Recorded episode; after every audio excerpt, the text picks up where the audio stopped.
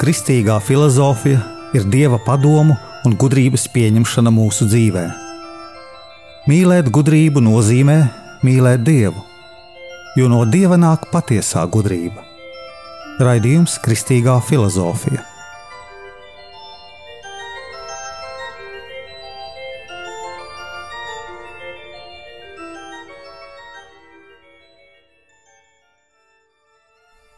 Es esmu Jānis Valtra Vitsenheims, kristīgais filozofs. Jeb, kā varētu teikt, cilvēks, kas mīl kristīgo gudrību.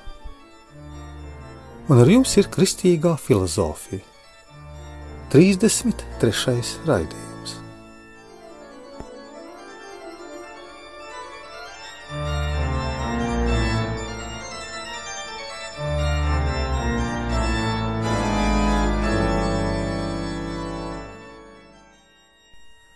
Iesākumā ieklausīsimies filozofā, jēzuītu tēvā Staņislavā Ladusānā.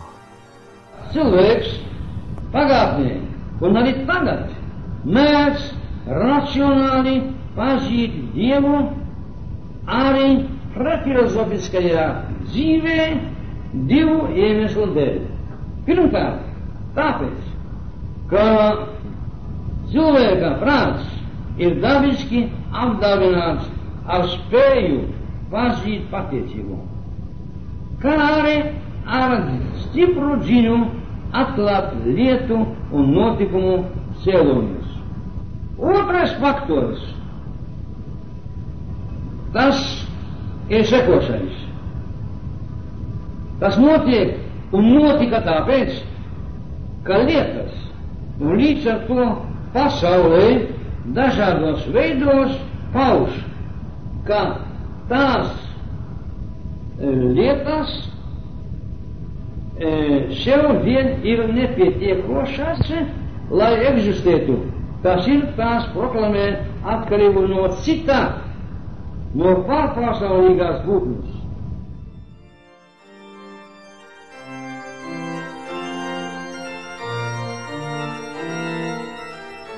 Jūs klausījāties Jēzus tēvu Staņslavu Ladusānu 1993. gada ierakstu.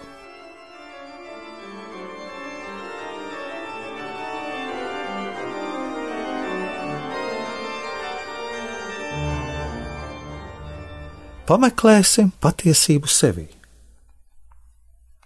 Mēs ļoti bieži runājam no lepnības puses, sakot paldies, ka mēs neesam kā tie, kas dievam netic. Blēži, krāpnieki, zagļi, slepkavas. Kristus saka: Bīstieties rakstu mācītāju lepnības. Šajā visumā nav sliktāka cilvēka par mums, ka to jūtam tad spējam no sevis izspiest to lepnību, kas, protams, mūsos ir. Katru reizi pie grēksūdzes mēs neticam, ka esam lielākie grēcinieki. Mums tomēr bieži tie ir tikai vārdi.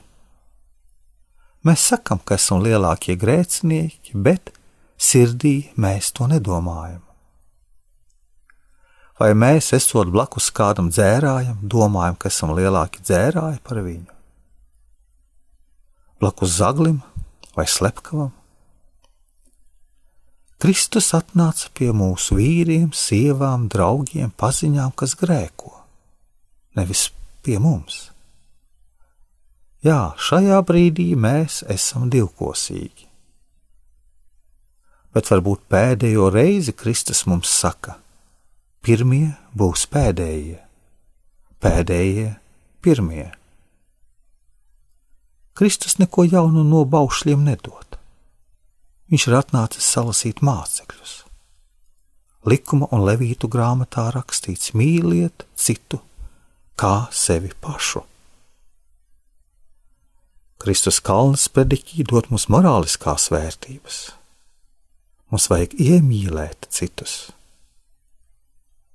Kristus atmasko farizējus, Viņa mācību jēga parasti ir līdzībās. Tās ir jūdu tradīcijas. Kristus mums mācīja par sevi: Es esmu ceļš, patiesība, dzīvība. Mūsu lūkšana ir mūsu mīlestība uz Dievu. Mūsu dvēseles glābšana ir mūsu mājās, un nav jānoiet tūkstots kilometri, lai sāktu glābt savu dvēseli. Ir jādara labas lietas mūsu tuvākajiem, mūsu ģimenei, mūsu valstī, jo mēs graujam citādi, nedarot labu un neturoties pie likumiem, ko devis Dievs, kā mums vajag dzīvot. Kardināls Jānis Pujats kādā sprediķī saka: Tikai Dievs dod tīru sirdsapziņu. Jā, Dievs dod arī brīvību no atkarībām, dot iespēju atrauties no masu saziņas līdzekļu, grēku propagandas industrijas. Kad cilvēks zaudē dievu, cilvēks zaudē galveno mērķi savā dzīvē. Pasaulē aug pašnāvību skaits. Tikai ticība dievam dot iespēju atrisināt šo problēmu, kad cilvēki ir pazaudējuši pašu galveno mērķi savā dzīvē. Kādi esam mēs? Vai mēs spējam no visām lietām mūsu pasaules ikdienā, atlasīt galveno, kristīgo, kristīgās vērtības, tās vērtības, kas ir mūsos, protams, mums jāmāk saskatīt arī citos cilvēkos. Tikai viens pareizs ceļš. Tas, ko mums ir devis Jēzus, turēties pie desmit baušļiem un kristīgām vērtībām.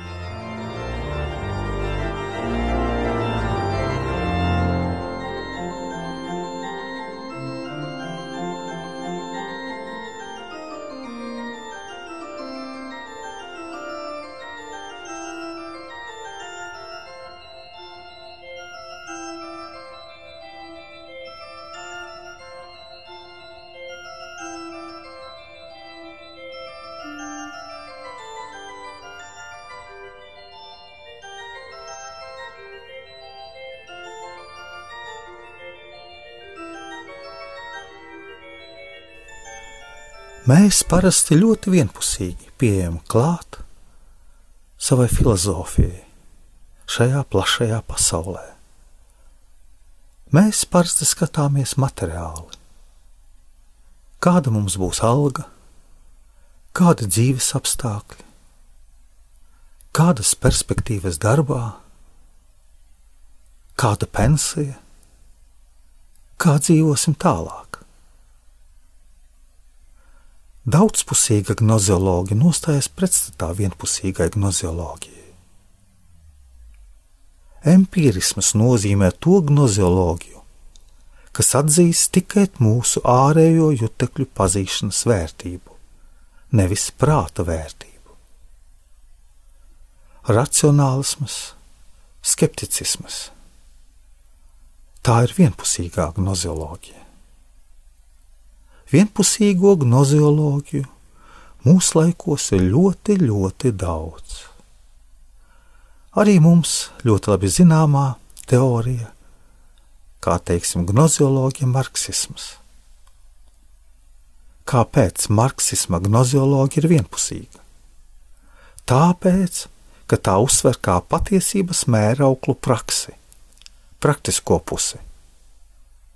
Tā nozīmē, partijas gribu, tas, kas ir derīgs partijai. To mēs redzam arī mūsdienu politikā, kas nav marksisms. Partija, kas atbilst, kas ir patiesa, kas ir īsts, kas ir gudrs, kas ir svēts, tas ir labi. Un viss pārējais ir kļūda vai nevajadzīgs. Otra patiesības mēraukla ir prāts. Vai marksisma gnozioloģija ir kaut kas arī labs? Protams, katrā domāšanas gnozioloģijā var atrast kaut ko labu. Labs ir tas, ka tur uzsvēra saimniecisko pusi, ekonomiju, kas ir vajadzīga. Mums ir vajadzīga pārbaude, kritiskā domāšana, kritiskās domāšanas un problēmu pazīšana. Un līdz ar to mēs tagad nonākam pie kritiskās problēmas. Prefilozofijā prefilozofs ir katrs cilvēks, kas meklē dzīvei beidzamo nozīmi, meklējot problēmas izraisījumu. Meklējot laimi, nonāk, eksaminējot realitāti pie prāta pazīšanas eksāmena. Dzimst kritiskais jautājums. Kritika ir ļoti svarīga lieta bet ne pati svarīgākā, ne demolējošā un nevis negatīvā. Kritika pati par sevi ir pozitīva. Jo mēs zinām, ka mums ir dažādas kritikas. Mums ir literatūras kritika, teātris kritika, televīzijas kritika, radio kritika, politikas kritika, taču galvenā kritika mums ir pazīšanas kritika.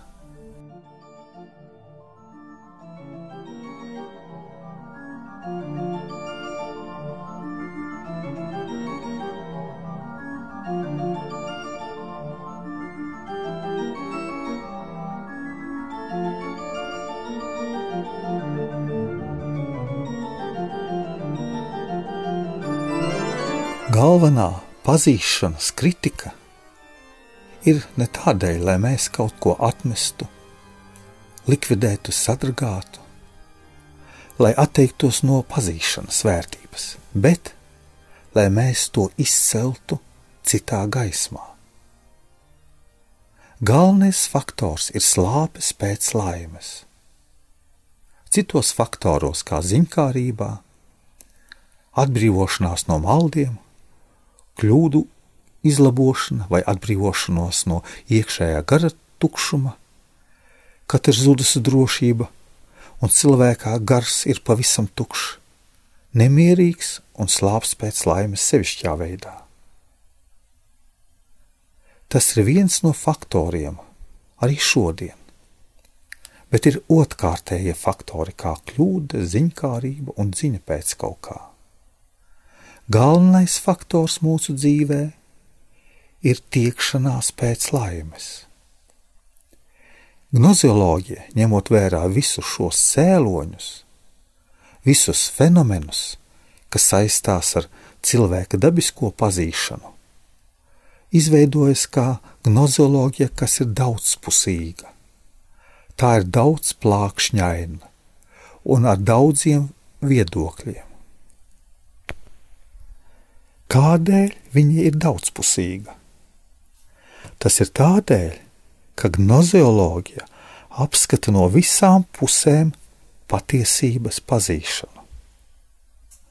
Kā pirmo var minēt, viņa apskata iemeslus, cēloņus. Un galvenais cēlonis ir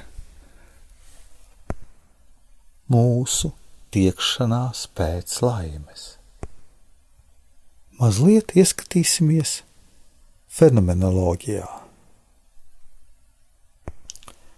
Pazīšanas fenomenoloģija mums pieprasa, lai mēs izskaidrotu un apgaismotu divus terminus - pazīšanu un fenomenoloģiju. Pazīšanu izprotam kā patiesības atklāšanu, kā īstās patiesās realitātes atklāšanu. Mēs pazīstam patiesību, tā ir pazīšana.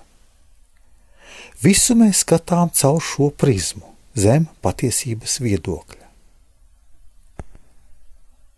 Tālāk skatāmies, kas ir fenomenoloģija.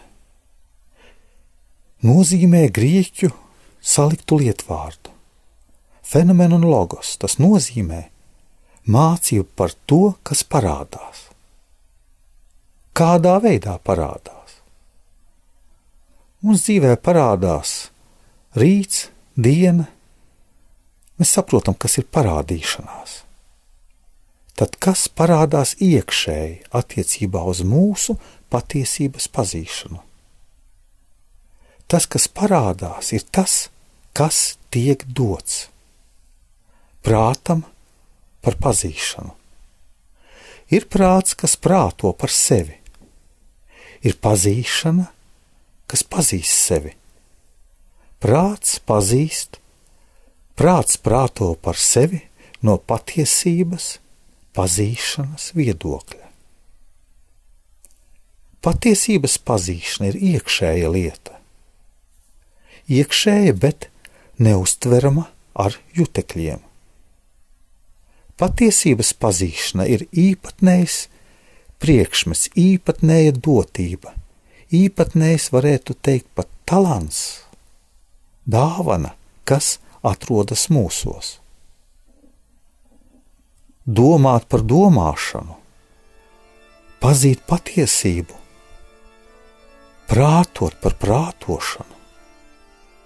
Tas ir tas, lielais uzdevums un arī ļoti liela grūtība.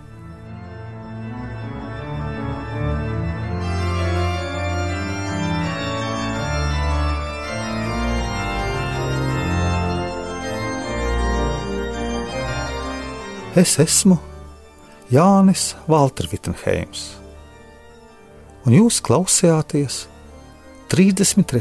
raidījumu filozofijā par patiesību un pazīšanu. Par patiesību, kas ved uz fenomenoloģiju.